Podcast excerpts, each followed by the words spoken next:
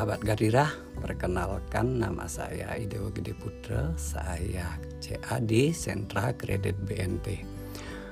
Dalam podcast dengan tema identifikasi aplikasi Proud ini, saya akan share ya poin-poin yang biasanya saya perhatikan saat saya melakukan verifikasi telepon untuk nasabah mobil ya. Saya contohkan di sini untuk nasabah mobil dengan uh, pekerjaan sebagai wira swasta nih.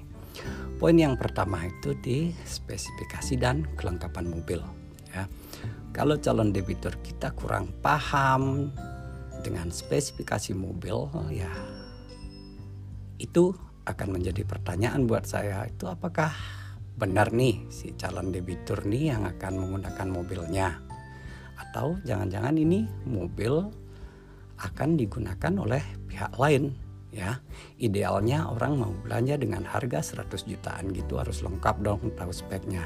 Ya nggak sahabat garira orang yang beli barang 50 ribuan hari gini harus ngeliat review dulu harus ngecek video unboxing dulu.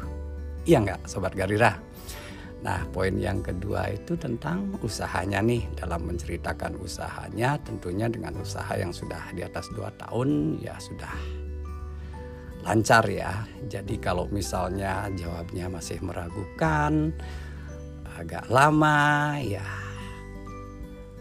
saya akan berpikiran beneran nggak nih punya usaha seperti yang ditampilkan di aplikasi.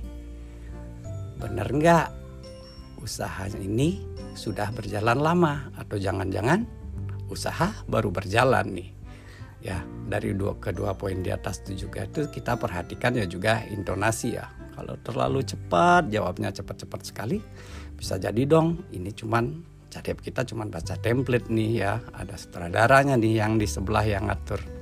Ya kan sobat Erlida nah itu biasanya yang saya perhatikan ya. Jadi semoga bermanfaat buat kita semua dalam melaksanakan pekerjaan kita sehari-hari. Akhir kata, thank you for listening. Bye bye.